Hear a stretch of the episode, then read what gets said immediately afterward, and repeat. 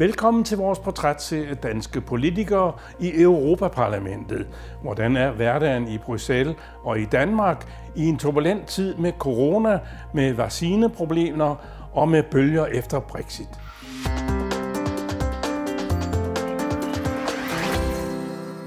I dag siger vi velkommen til Peter Kofod fra Dansk Folkeparti, og Peter Kofod, det har ændret sig, øh, skal vi sige, forholdene i EU og i Danmark – siden du blev valgt for to år siden. Hvordan er det at, at tilpasse sig? Jamen, det har, jo, det har jo i den grad ændret sig, må man sige. Altså for at være meget, meget aktivt og fysisk øh, tilstedeværende øh, i både Bruxelles og Strasbourg til lige pludselig fra den ene dag til den anden, at der er lukket øh, fuldstændig ned. Og jeg tror egentlig, jeg tror egentlig måske, det har ramt Europaparlamentet lidt hårdere end mange andre dele af øh, samfundet i den forstand, at hvis man skal have det til at sådan fungere, som man kender det, ja, så kan man ikke, altså, så er det vanskeligt at arbejde med rejserestriktioner, som vi har set det i, i det seneste år. Så det har været noget af en omvæltning lige pludselig at skulle over på alle mulige digitale møder, ligesom mange andre, men jo også med tolkning til så mange sprog. Så det er faktisk blevet sværere at, blive, at være europaparlamentariker i dag? Jeg vil i hvert fald sige, at det sidste år det har sådan sat tålmodigheden mere på prøve, end jeg vil tro, hvad der var normalt ikke? Mm, ja. i den grad. Du bor lidt i Bruxelles og lidt i øh, København, men, og, men mest i Haderslev, hvor du også var folketingspolitiker for Dansk Folkeparti indtil for to år siden. Øh, hvordan er rejsetasken? Altid pakket? Ja, det er den faktisk altid. I hvert fald indtil coronaen kom, og man ligesom fik pakket den helt ud, fordi så var der jo i hvert fald en rumtid, hvor man kunne se, at nu, øh, nu skulle man være i Danmark, nu kunne man ikke rejse mere. Men det er jo rigtigt, det er lidt sådan en, det er lidt en rakkertilværelse, øh, hvor man altid har tasken med, og man er nogle dage et sted, og så er det videre igen til det næste. Det er EU, der ligger faktisk bagerst i kø, når man snakker om vacciner for corona i, på verdensplan. Har EU lært noget af den her prioritering, man har gjort? Eller kan du påvirke, at det bliver en bedre pandemi næste gang, når der kommer ind? Jeg håber ikke, vi kommer til at opleve en ny, men det korte svar på dit spørgsmål er jo nej. Jeg er bekymret for, at EU ikke har lært særlig meget af coronapandemien. Man kom dårligt ind i den fra øh, begyndelsen. Man vidste ikke, hvordan man skulle håndtere det. Det er der ikke noget at sige til. Det vil der være, det var der jo rigtig mange, der ikke vidste, hvad det her det var. Altså, øh, jeg kan huske, at Mette Frederiksen holdt det pressemøde. Der sad vi og spekulerede over. Altså, der var nogen, der siger, at det var en, en mild influenza, ikke? og der var andre, der nærmest troede, at nu kom pesten igen. Så det, det var svært at få hold på. Men der er jo ingen tvivl om, at når man ser over de seneste måneder, så er EU kommet til kort i den forstand, at mens de vaccinerer løs i Storbritannien, i USA, i Israel, altså nogle vi normalt vil sammenligne os med, så står vi i stampe i de europæiske lande. Det er et kæmpe problem. Vi så det særligt i starten. Vi kunne ikke få vacciner. Vi mangler stadigvæk i talende stund. Men der var også en stribe af de europæiske lande, der havde meget, meget store problemer og stadigvæk har problemer med at få et setup gjort klar til at overhovedet kunne rulle det ud. Det kan i hvert fald virke absurd, og det øger jo ikke ja. EU's øh, popularitet, at man ser, at øh, Italien for eksempel stopper øh, eksport af vacciner til Australien, fordi øh, hvad hedder det, et bestemt fabrikat ikke har leveret vaccinen til EU. Der er i hvert fald mange ting, øh, som helt overordnet set ikke har fungeret med vaccinesituationen. Og jeg tror, en af fejlene det er, at man meget sent har selverkendelse nok til at se, at det ikke fungerer. Altså tilbage i december måned 2020, der stod Ursula von der Leyen, altså EU's kommissionsformand, og kaldte det her for en europæisk succes. Altså hvis man står på kanten til 2021 og kan se, at det her, vi kan ikke få de vacciner, vi skal have. Den anerkendte tyske, øh, det anerkendte tyske medie Der Spiegel skriver en kæmpe historie, øh, synes jeg er en meget stor og vigtig historie om EU's problemer med vacciner. Man kigger på det, og så siger, her har vi en europæisk succes og der så ydermere går jo altså uger, måneder, før man begynder at kigge indad og tænke over, om man har gjort det godt nok. Det er simpelthen ikke acceptabelt. Hvordan øh, ser du på det store problem, eller skal vi sige den store forandring i EU, der er sket med, at øh, Storbritannien er gået ud af, af fællesskabet, altså det vi kalder Brexit? Jamen for EU-systemet er der overordnet set sket to meget positive ting, hvis man er brændende føderalist. Og det ene, det er britternes farvel. Fordi der har man jo virkelig mistet et meget stort land, som har været fodslæbende og altid sagt nej, når Frankrig og Tyskland eller Polen vil have mere. Så har britterne siddet og sagt, det vil vi ikke være en del af, og vi vil i hvert fald slet ikke betale for det. Så man kan sige, at den knast er ryddet af vejen. Så kom coronakrisen, vil jeg sige, kærkomment for EU's, øh, altså for hele EU-systemet, i den forstand, at pludselig kunne man øh, få en masse vilje, at man kunne få en masse ting igennem øh, for nogle stats- og regeringschefer, der ellers ville have sagt nej til det. Altså den, hele, den store coronagenopretningsfond, øh, fælles lån, store øh, penge, altså gaveuddelinger, øh, acceleration på egne indtægter, altså EU-skatter og afgifter i fremtiden. Det ville jo have været utænkeligt for et par år siden, at man nogensinde ville komme igennem med det. Men på grund af Brexit og på grund af coronaen, så er det lige pludselig en realitet, som jo altså er på vej igennem systemet nu. For Danmark har Brexit jo betydet, at øh, vores to største eksportvarer, øh, altså landbrugsvarerne og fiskeriprodukter, de er ligesom, de skal søge nye markeder. Og øh, ja, forløbig er det jo endt med en, øh, nogle kortsigtede af, aftaler, og på længere sigt, der vil britterne vil have deres øh, farvand for sig selv. Jeg synes ikke, at det er det signal, at britterne har sendt. Altså, jeg synes, at britterne har sendt et signal om, at man er meget interesseret i handel med øh, andre europæiske lande, men at man ikke har tænkt sig at underordne sig EU-domstolen. Hvad jeg synes er klogt af britterne. Øh, det synes jeg er fornuftigt, og det er da et krav, som altså jeg meget langt hen ad vejen synes kunne være godt for Danmark, altså at man ikke skulle underlægge sig EU-domstolen i så høj grad, som man gør øh, nu. Øh, men der er ingen tvivl om, at vi kommer til at handle med britterne. Handelsaftalen er jo øh, faldet på plads. Den store af dem, øh, kan man sige, det er der, det er der styr på. Den er øh, vedtaget i det britiske parlament. Europaparlamentet har nikket til den for flere måneder siden. Så den del er sådan set faldet på plads. Men det er jo rigtigt nok, at på kort sigt, så vil der være problemer for det danske fiskerierhverv.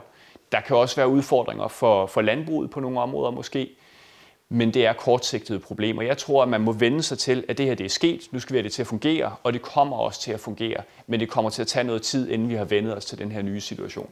Hører jeg dig sige, at du tror, der bliver øh, fornuftige handelsaftaler mellem Danmark og, og Storbritannien i landbrugsspørgsmål og fiskeri? Ja, det tror jeg. Og ikke bare mellem Danmark og Storbritannien, mellem Storbritannien og de andre EU-lande også. Øh, det tror jeg, fordi altså et land med 68 millioner indbyggere lige på den anden side af, af havet. En stærk økonomi, et godt land, et, et velordnet land, dem skal vi da handle med. Og når jeg taler med øh, tidligere britiske kollegaer, så kigger de jo på altså Kontinentaleuropa og på os, og tænker det samme, at, at der er der et marked for os, det skal vi ind på. Men der er jo, øh, skal vi sige, forhindringer i form af, at øh, Øh, Øh, øh, for eksempel Dansk Fiskeri har indgået en øh, lidt utraditionel aftale med, med Danmarks Naturfredningsforening, fordi man vil gerne have et renere miljø, et renere klima og opfylde EU's klimamål. Og det samme gælder jo sådan set landbruget. Det danske landbrug er også ude i nogle voldsomme reformer. Kan vi tilpasse os, øh, hvis du nu skal tage de nationale briller på, så, så vi både kan plise EU og for eksempel vores nye markeder? Ja, det håber jeg, vi kan. Og jeg synes, det er fornuftigt af både fiskerne og landbruget, men jo i andre sammenhænge også i jægerne eksempelvis, at man siger, at vi gerne vil passe bedre på naturen og miljøet, og i øvrigt også gøre noget godt for klimaet. Det er kun positivt, at der er folk, der, der tænker lidt længere. Så det kan jeg kun tage hatten af for. Okay. Det er jo ikke mere end et par år siden, at din nu afgåede partiformand, øh, Pia øh, Kærsgaard, kaldte øh, skal vi sige, øh, radikale og andre øh, miljøfreaks for klimatosser. Hvordan har Dansk Folkeparti og du det med, med klimamålene i EU i dag? Jamen, vi har jo stemt ja til, at der skulle være nogle, at jeg har stemt ja i Europaparlamentet til, at der skulle være nogle øh, meget ambitiøse mål for reduktionen af drivhusgasser. Mm-hmm. Og det har jeg af to årsager. For det første, fordi jeg synes, det er godt at passe bedre på klimaet. Det tror jeg, det er en ambition, jeg deler med stort set alle andre danskere. Altså, jeg har ikke mødt nogen endnu, som sagde, det der klima, det betyder ikke noget. Det skal vi bare blæse på. Jeg har simpelthen ikke mødt folk, der har været ligeglade med det spørgsmål. Og for det andet, fordi Danmark jo eksporterer og handler meget med vores nære nabolande. Så det vil overordnet set være godt, hvis de også lever op til nogle øh, miljø- og klimakrav, der kan matche, eller i hvert fald komme så tæt på de danske som overhovedet muligt, fordi det vil gøre det nemmere for os at holde på produktionen og på arbejdspladserne. Det giver jo ingen mening, hvis lille Danmark øh, har nogle meget, meget høje øh, øh, ambitioner på det her område, og det så i virkeligheden betyder, at vi eksporterer vores landbrug, altså ikke landbrugsprodukter, men i virkeligheden, at vores landbrug ikke kan være her. øh, eller at vores produktionsvirksomheder ikke kan være her, bliver udkonkurreret af nogle virksomheder i nogle nabolande, som lever op til nogle langt lavere krav. Så af de to årsager, at jeg synes, det er godt at gøre noget for det grønne, men det er også godt at gøre noget, så vores virksomheder er konkurrencedygtige med dem, vi handler med. Det er årsagen til, at jeg stemte ja til de ret høje mål, må man sige, for, altså i EU-sammenhæng. Du og Dansk Folkeparti, eller du er som eneste medlem af Dansk Folkeparti for i Europaparlamentet, er med i gruppen, øh, ID-gruppen Identitet og Demokrati. Hvad er det for en gruppe? Det er en gruppe, som partiet har været med til at stifte, øh, jo i samarbejde med blandt andet italienske lega Matteo Salvini, fordi der var en ambition om før valget, som jo et stadigvæk lever om, at man i højere grad skulle samle de kræfter, der er på højrefløjen og arbejde positivt sammen om nogle få fælles pejlemærker, øh, men ellers have en meget høj grad af frihed øh, i de forskellige delegationer rundt omkring i gruppen til at stemme, hvad man ville, men selvfølgelig, at man kunne lave, lave aftaler.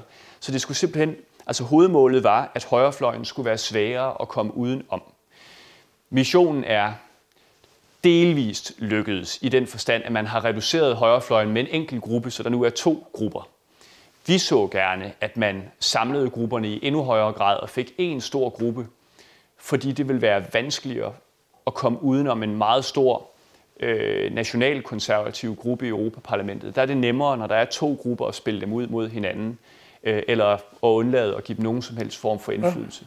Ja. Mm. Øh, I har også et ønske om i Dansk Folkeparti, at de ydre grænser skal lukkes og beskyttes i en helt anden grad, end de er i dag. Altså, hvad vil det sige i en helt anden grad? Det vil sige en europæisk model for det, vi kender som den australske model. Mm. Altså, hvor man siger, at de ydre grænser er utrolig sikre. Hvis du kommer til Europa, øh, altså som illegal migrant, ja, så kan du ikke komme ind. Hvis du har brug for beskyttelse, jamen, så kan du få beskyttelse. Det bliver bare ikke på det europæiske kontinent. For hvis du får beskyttelse på det europæiske kontinent, så efter noget tid, jamen, så vil du få nogle rettigheder, så vil du på, på sigt at få permanent ophold og alt det her, på sigt få, få statsborgerskab, og så kan man være familiesammenføring og den slags.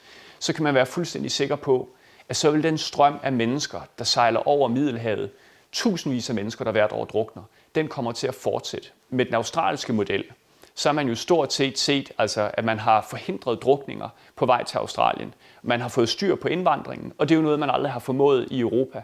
Og som den her kommission, som vi har nu, er jeg bange for, heller ikke kommer til at få styr på. Altså det er en uholdbar situation, vi står i i dag.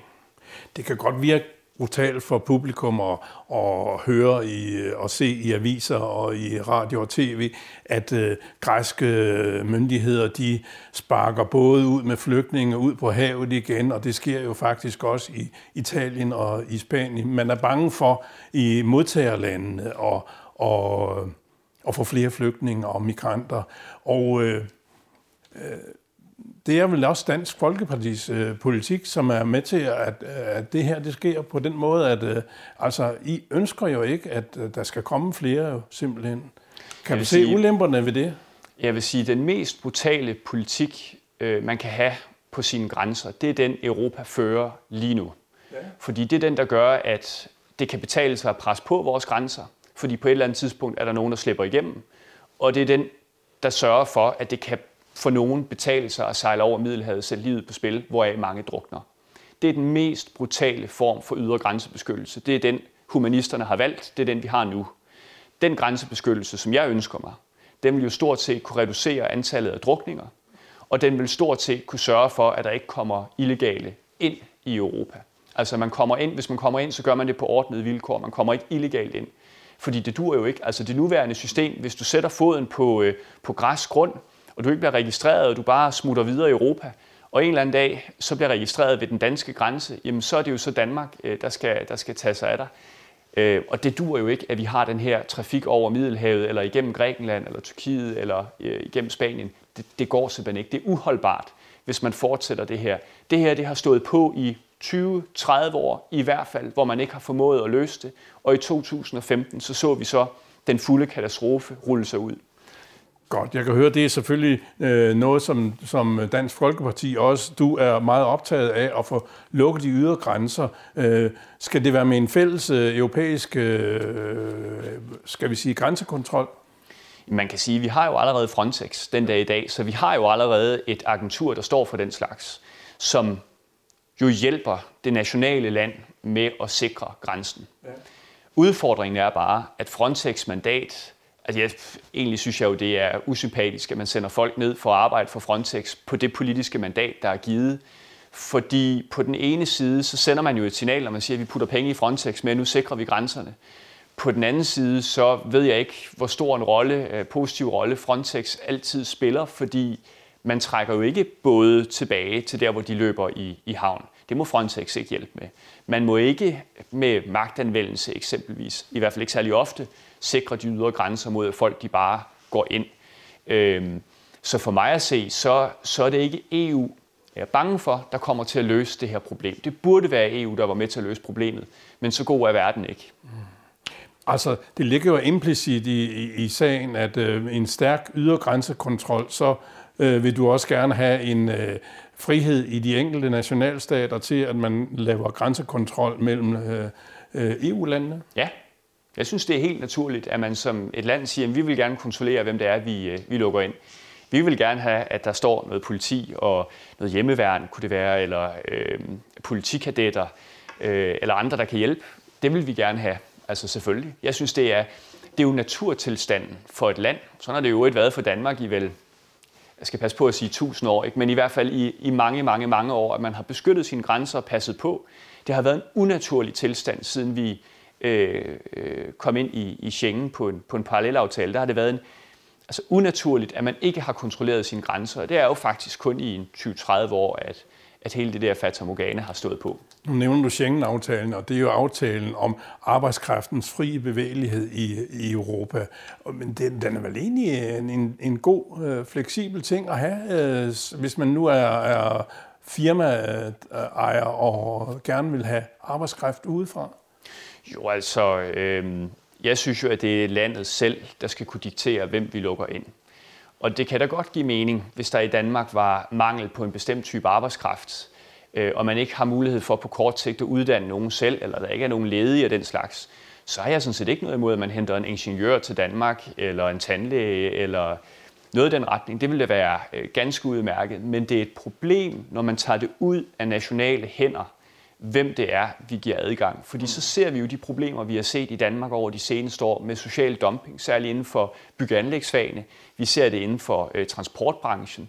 Øh, altså, jeg vil bare sige, hvis man kører en tur til Padborg, og jeg synes, det var, det var værre for et par år siden, men hvis man kører en tur til Padborg og ser, hvordan det her ser ud øh, nogle af de steder, så er det ikke en situation, vi kan være tilfreds med. Hverken for de danskere, der mister deres job, fordi de bliver udkonkurreret, eller for de mennesker, der kommer hertil og altså lever et kummerligt liv, men, men alt for lav løn og nogle dårlige arbejdsvilkår. Ja, altså jeg forstår, at du øh, gerne ser, at vi øh, værner om den danske model, altså at arbejdsmarkedets parter øh, øh, laver aftaler om, om lønudvikling. Men hvordan undgår vi, at øh, der er et proletariat af udenlandske arbejdere, der kommer på den ene eller den anden eller den tredje måde til Danmark og til EU, øh, EU's øvrige lande og bliver underbetalt, udnyttet? Jeg tror, hvis man sådan fra dansk perspektiv skal se på det, så handler det jo om at erkende, at den form for social dumping, vi har haft meget af de seneste år, det er jo altså kommet på grund af EU. Altså det er EU-regulering, der gør det til en mulighed, at vi har den form for social dumping. Tror jeg så på, at det samme EU, der har givet os de her problemer, lige pludselig kommer og hjælper os med at løse dem? Det ser jeg, må jeg sige, ikke måske et særligt stort potentiale i. Så er der hele diskussionen om, om minimumsløn, hvor EU jo bevæger sig ind på et område, som EU slet ikke skal blande sig i. Altså, vi har en, en mangeårig tradition i Danmark for, at arbejdsgiver og arbejdstagere i deres altså kollektivt finder ud af, hvordan man, øh, hvordan man lægger linjen på arbejdspladserne rundt omkring. Hvis EU kommer med en mindsteløn, som er taget ud af ja, lande, hvor jo lige præcis mindstelønsprincipperne ikke fungerer, hvor det giver en masse ballade, Altså man tager simpelthen en model, der i en stribe lande har vist sig dårlig for de lande, og så har man en forestilling om, at den kunne så eksporteres til nogle af de lande, hvor det faktisk går godt, fordi man har sine egne nationale modeller. Det er da fuldstændig tåbeligt. Den skal vi have for os selv, og hvis man ønsker det, så er man nødt til, og jeg håber, der sad nogen fra regeringen, der kiggede med, vil det være fint, fordi man er simpelthen nødt til blank at sige til EU, at det her det er et nej. Vi kan ikke gå 5% eller 10% ind på det her fordi så bliver vi slugt af EU-domstolen på et eller andet tidspunkt. Så hvis man mener, at den danske model er værd at kæmpe for, så er det nu, man skal gøre det. Lad os prøve at kigge overordnet ganske kort, Peter Kofod. Hvordan står Dansk Folkeparti, og du egentlig i EU? Altså repræsenterer du Danmark i EU, eller, eller er du en EU-tilhænger? Jeg kan jo se, at, øh, øh, at i gerne vil tage forbehold og stadigvæk kunne melde Danmark ud af EU, hvis øh, ikke EU makker ret.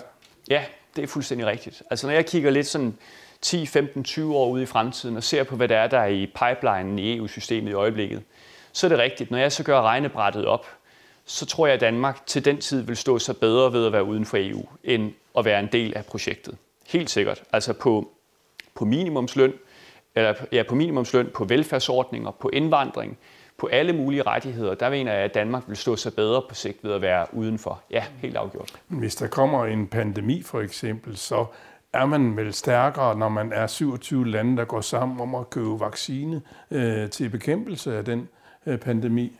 Ja, det var jo EU's argument for et år siden, ikke? Og nu synes jeg jo, man må sige, at Israel har modbevist den pointe. Storbritannien har modbevist øh, den pointe.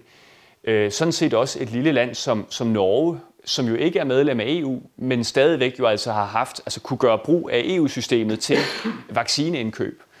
Så uanset hvilken model man vælger, hvis man sagde, at Danmark meldte sig ud, og vi skulle lige pludselig købe vacciner, uanset hvilken model, som sådan er afprøvet af landene rundt om os, mm. så synes jeg jo kun, at der er noget at vinde i princippet, fordi den, den dårligste model, det er sådan set den, vi er en del af i, øh, i dag.